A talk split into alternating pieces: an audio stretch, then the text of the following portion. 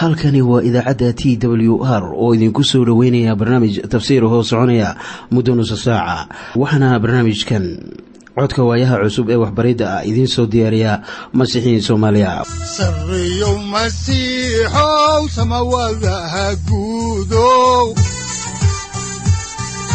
Siraadkii adduunkow subanaha eebow sareyow masiixow samawadaha guudow siraadkii adduunkow subanaha eebow adigoo samaada jiro ifkan soo saldhiganba adigoo samaada jiro ifkan soo saldhiganba kutubtiisanaaye wuxunogu saaciiday sharxin sifahaaga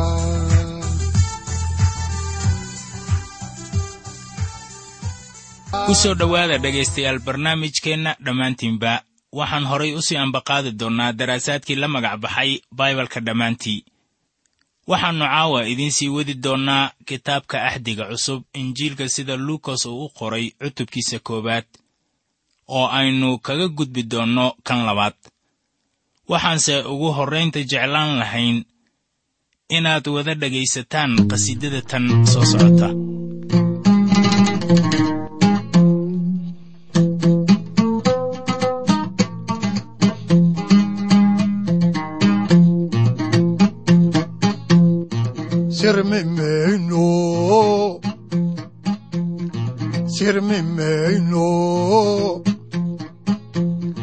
sirmimayno sifiihi masiixan subax walba. Ku soconayo sirmimayno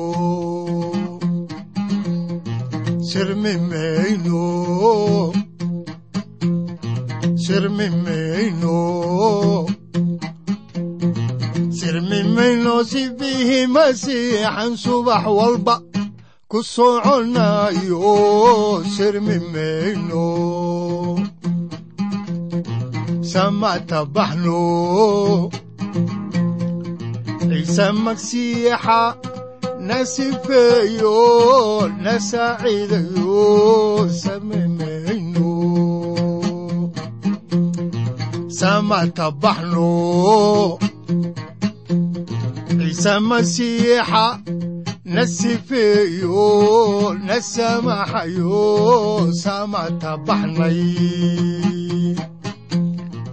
samaxayo samata baxnay samata baxno ciise masiixa na sifeeyo na samaxayo samata baxnay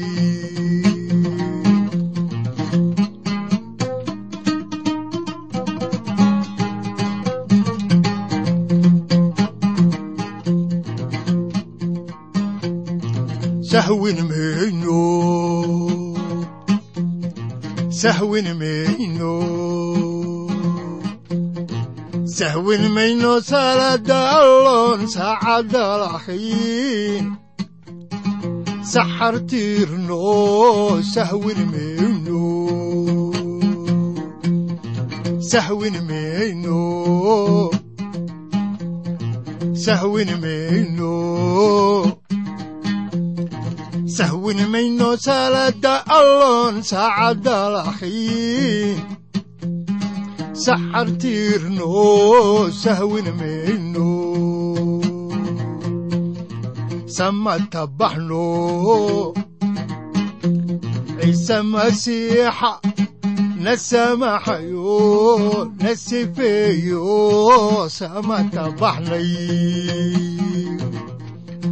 samata baxno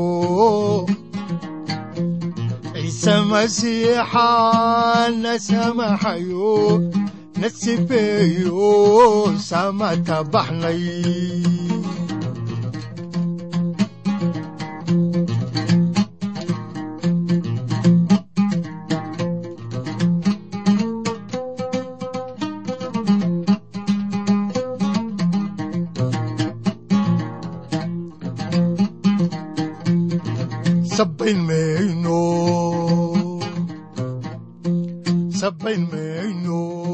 markii noogu dambaysay waxaannu ka hadlaynay wax ku saabsan booqashadii maryama ay ugu timid ina adeerteed elisabet waxaa halkaasi ka dhacay mucjiso oo wiilkii ku jiray caloosha elisabet ayaa dhaqdhaqaaqay markii maryama ay u timid elisabet maryama waxay halkaasi joogtay muddo saddex bilood ah dabeetana gurigeedii bay ku laabatay.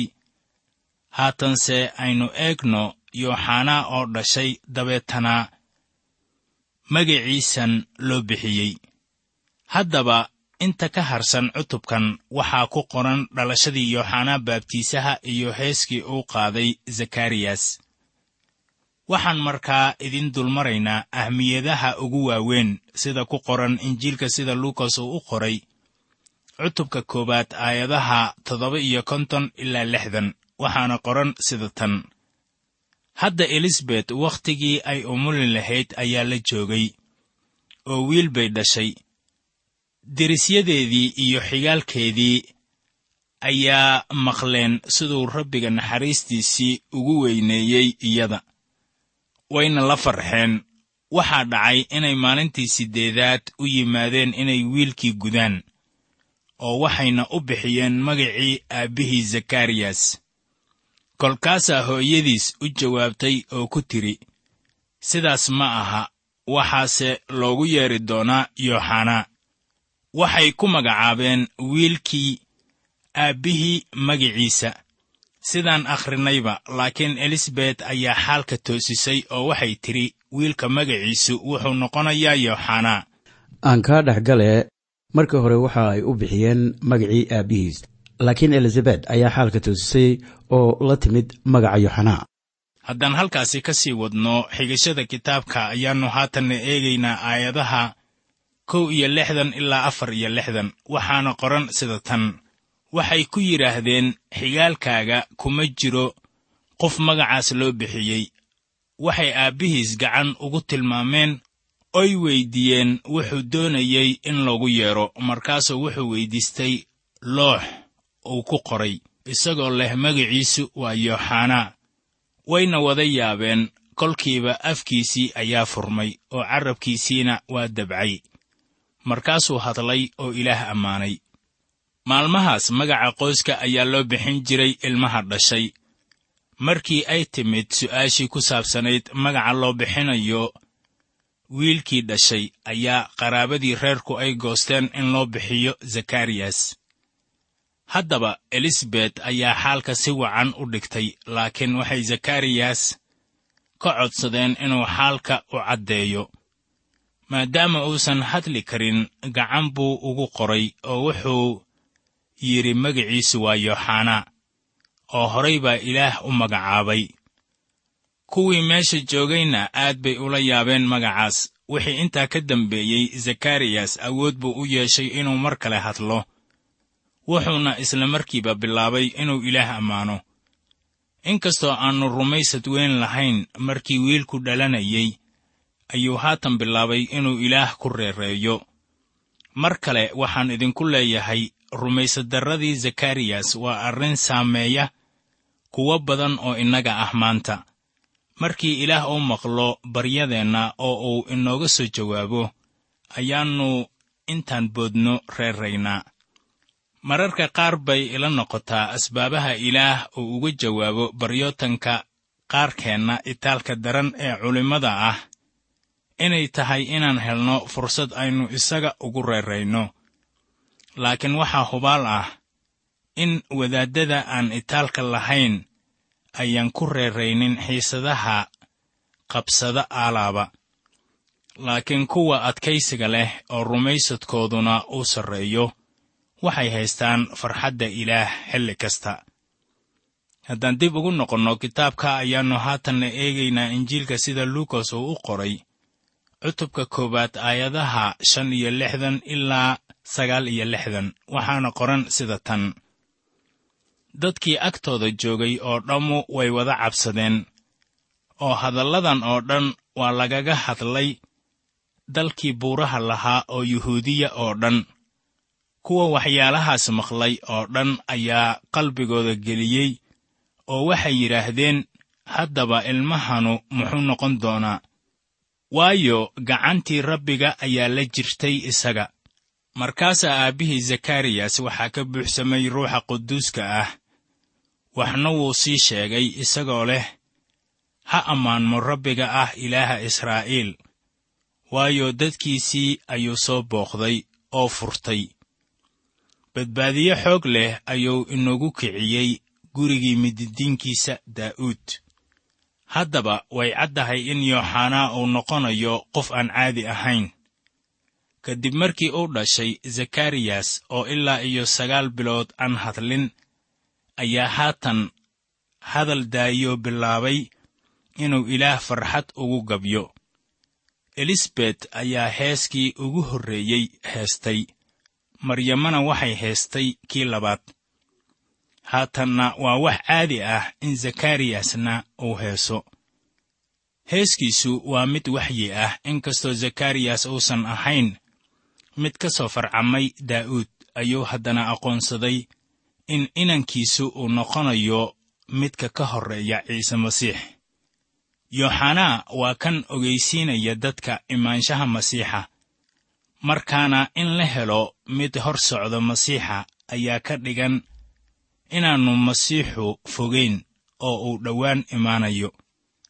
Haddaan dib ugu noqonno xigashada kitaabka ayaannu eegaynaa injiilka sida luukas uu u qoray cutubka koowaad aayadaha toddobaatan ilaa shan iyo toddobaatan waxaana qoran sida tan.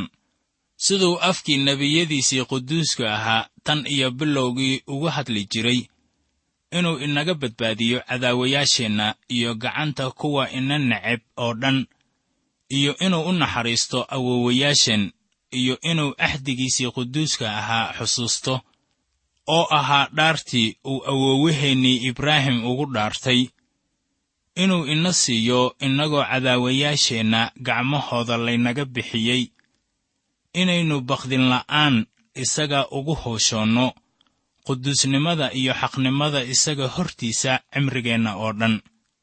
Ilaah ibraahim ayuu u ballanqaaday shey oo wuxuu la dhigtay axdi maryama elisabet iyo zakariyas waxay dhammaantood rumaysnaayeen in ballankii ibraahim la kaamili doono.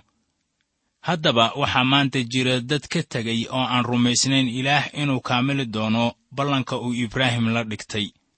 Haddaan xigashada cutubkan soo gunaanadno ayaa waxaan idin akhrinaynaa cutubka koowaad aayadaha lix iyo toddobaatan ilaa siddeetan waxaana qoran sida tan. Adiguna ilmo yahow waxaa lagugu yeedhi doonaa nebigii kan ugu sarreeya waayo waxaa hormari doontaa rabbiga hortiisa inaad jidadkiisa diyaargaraysid oo aad dadkiisa ogaysiisid badbaadada dembidhaafkooda ah ee laga helay naxariista weyn ee ilaaheenna. Kan qorraxda soo baxda xagga sare inaga soo booqan doonta inay iftiimiso kuwa fadhiya gudcurka iyo hooskii dhimashada iyo inay cagaheenna jidkii nabadda ku kaxayso.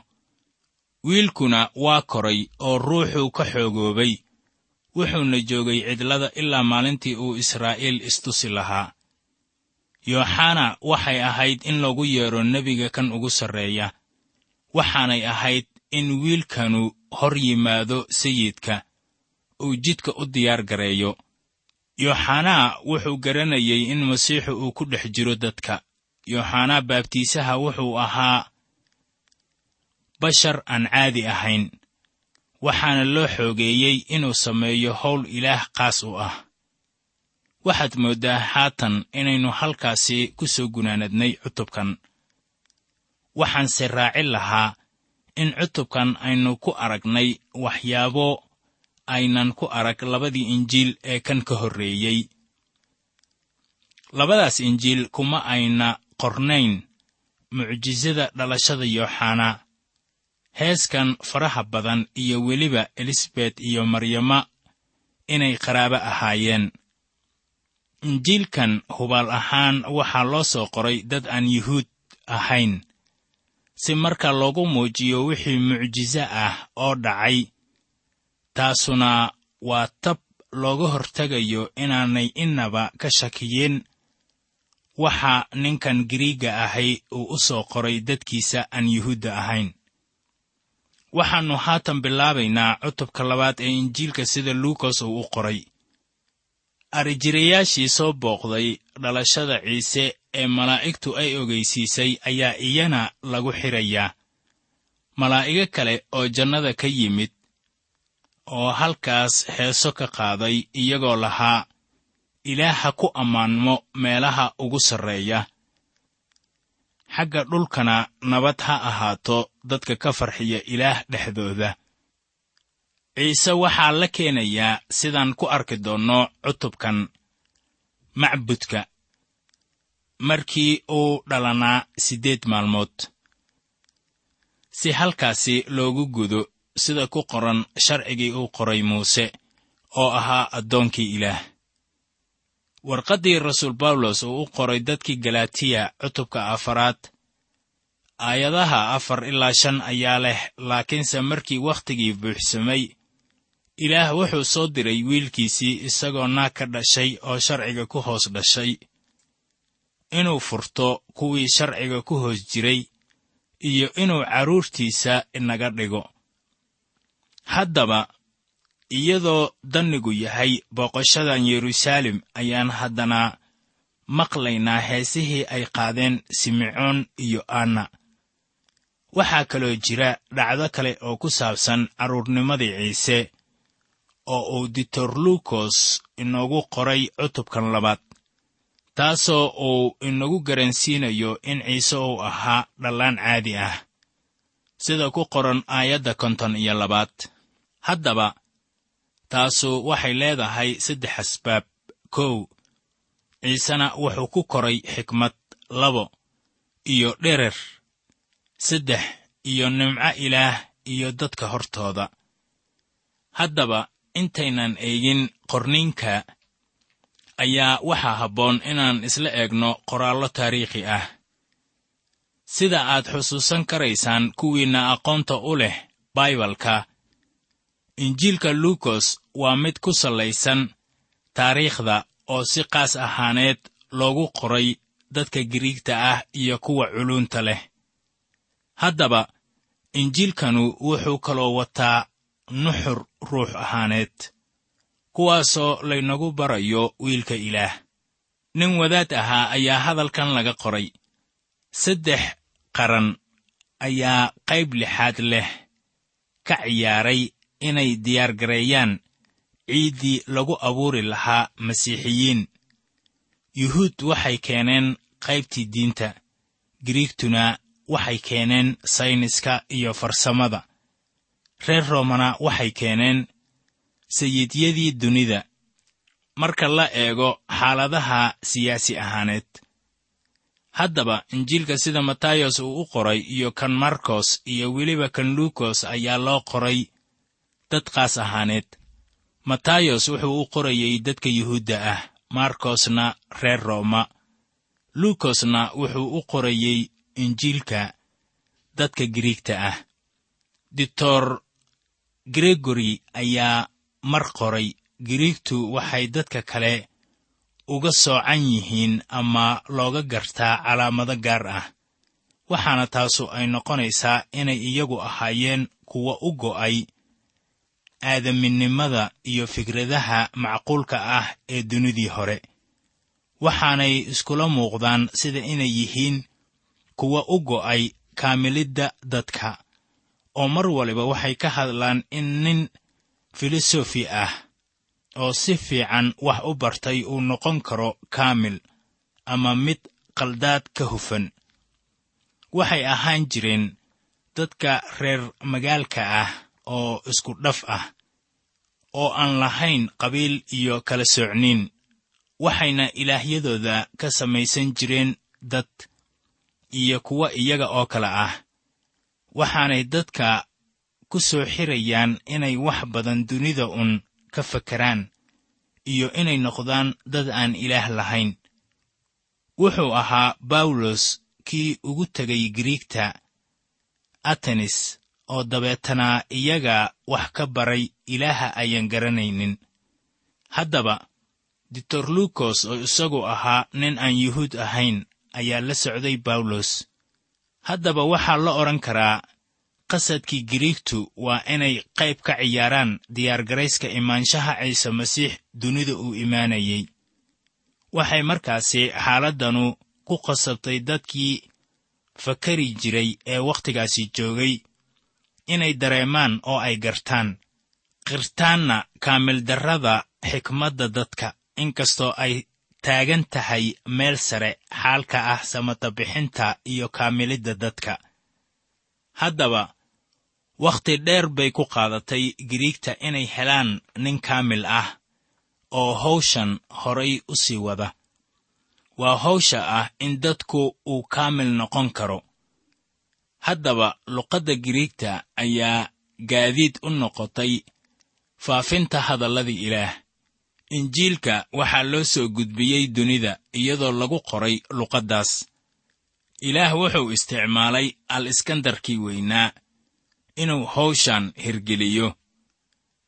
Taariikh qoraha la yidhaahdo howson ayaa hadalladan ka qoray al iskandar the great oo wuxuu yidhi al iskandar wuxuu kala bixiyey shabaagtii ilbaxnimada oo aan si hagaagsan loogu dhigin xeebaha aasiya ha yeeshee si habboon buu shabaagtaasi ugu dhigay waddamadii uu tegey. Markii uu ku jiray ololihiisan uu ku qabsaday qurumaha badan. Markaasaa bari iyo galbeed laysku keenay oo qabiiladii kala fogaa ayaa ku midoobay dawlad dadka u dhexaysa markaasaa caasimado la dhisay kuwaasoo xarumo u ahaa qaabnololeedkan siyaasadda ku dhisan waxaa furmay hab cusub oo isgaarsiin ah oo ahaa hab baayac mushtari. Dhaqankan cusub ayaa soo galay kaasoo dhex maray buuraha bisidiya iyo li'akoniya webiyada tigris iyo efratis ayaa iyana noqday webiye ay leeyihiin giriigtu luqaddii giriigtuna waxay noqotay mid ay garan karayaan yuhuudda iyo reer baabiloon markaasaa la dhisay magaalo la mid ah tii reer baabiloon oo ninkan wax maquuninayey oo ka dhisay masar. Magaaladiina magiciisa ayuu ku magacaabay. Magaaladu waa al iskandariya oo weli waxay wadataa magacii al iskandar haddaba waxaan idin leeyahay taas maanka ku haysta. Marka la eego dhalashada sayid ciise masiix injiilka sida luukas uu u qoray cutubka labaad aayadaha kow ilaa labo waxaa qoran sida tan. Wakhtigaas waxaa dhacay in amar ka soo baxay kaysar agostos in dadka dunida jooga oo dhan la qoro. Qorniinkaas kolkii ugu horreeyey waxaa la sameeyey markii kuraniyos uu xukumi jiray dalka suuriya. Qof baa laga yaabaa inuu u maleeyo marka uu akhriyo qidcadan. In dadka dunida jooga oo dhan la qoro oo la cashuuro. In dawladdii rumaanka ay soomaaliyana canshuur ka qaadi jirtay. Haddaba ereyga giriigta ah ee macnihiisu yahay duni ayaa ka dhigan oikumen oo ka macno ah dadkii dhulka degganaa oo qusaysa dunidii ilbaxa ahayd berigaas. Haddaba soomaaliya oo aan la ogayn ciddii degganayd berigaas ayaa marnaba lagu soo darin canshuur ururinta.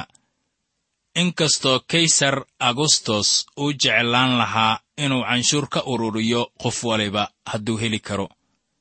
Haddaba kaysar agustos waa kuma. Wuxuu ahaa wiil uu soo koriyey juliyas kaysar sida abbaarta ah magaciisu wuxuu ahaa oktafiyanas wuxuuse qaatay magacii kaysar.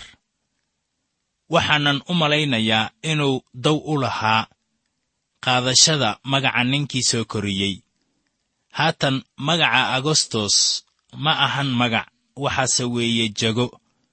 Markii golihiisu ay soo hordhigeen magacyada boqor emberator kelitaliye ayaannu midnaba ku qancin waxaase uu doortay inuu qaato jegada ah agostonimo. Magacaasu wuxuu lahaa ahmiyad diini ah. Wuxuuna doonayey inuu isagu isku mideeyo intuu magacyo badan qaadan lahaa. Haddaba ma ahayn dhacdo lama filaan ah in ditorlukos soo hadal qaado magaca kaysar agostos ninkan wuxuu saxiixay ama ansixiyey sharci. Canshuur looga qaadayo dunida oo dhan. Waa dunidii roomaanku uu xukumayey maalintaase. Wuxuu doonayey inuu helo lacag uu ku abuuro ciidan maareeya boqortooyadiisa sii fidaysa. Waxaa kaloo uu doonayey in isaguna uu ku noolaado nolol dabacsan oo raaxo badan waxaad ogaataa tilmaanta taariikhiga ah ee ditorlukos ee ahayd in cashuurtan awalan loo soo rogay markii kuraniya uu ahaa gobernatoraha dalka suuriya. Bal aynu intaa ku joojinno dhacdooyinka taariikhiga ah ee taagnaa maalmihii sayid ciise masiix dunida ku dhalanayay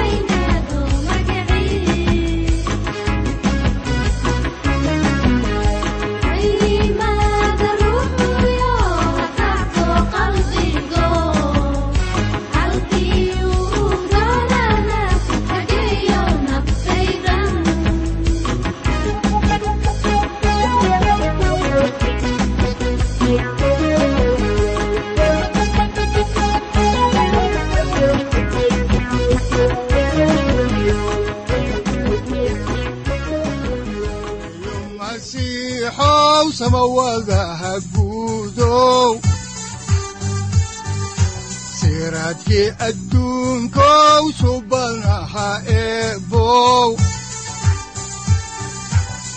adigoo samaada jiro ifkan soo saldhiganba adigoo samaada jiro ifkan soo saldhiganba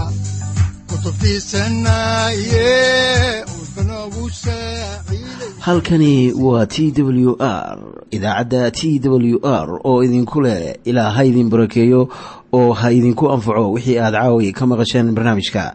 Waxaa barnaamijkan oo kalaa aad ka maqli doontaan habeen dambe hadahan oo kale haddiise aad doonaysaan in aad fikirkiina ka dhiibataan wixii aad caawi maqasheen ayaad nagala soo xiriiri kartaan som t w r at t w r c o k e haddii aad doonaysaan in aad dejiisataan oo kaydsataan barnaamijka ama aad mar kale dhegaysataan fadlan mar kale booqo www t w r o r g amase waxaad teleefoonkaaga ku kaydsataa ama ku download garaysataa agabyada ku sahli karaa dhegeysiga t w r haddii aad doonayso in laga kaalmeeyo dhinacyada fahamka kitaabka amase aad u baahan tahay duco fadlan fariimahaaga soo mari bogga aaraahda ama kommentska inana jawaab degdeg ah ayaanu ku soo diri doonaa amase ku siin doonaaye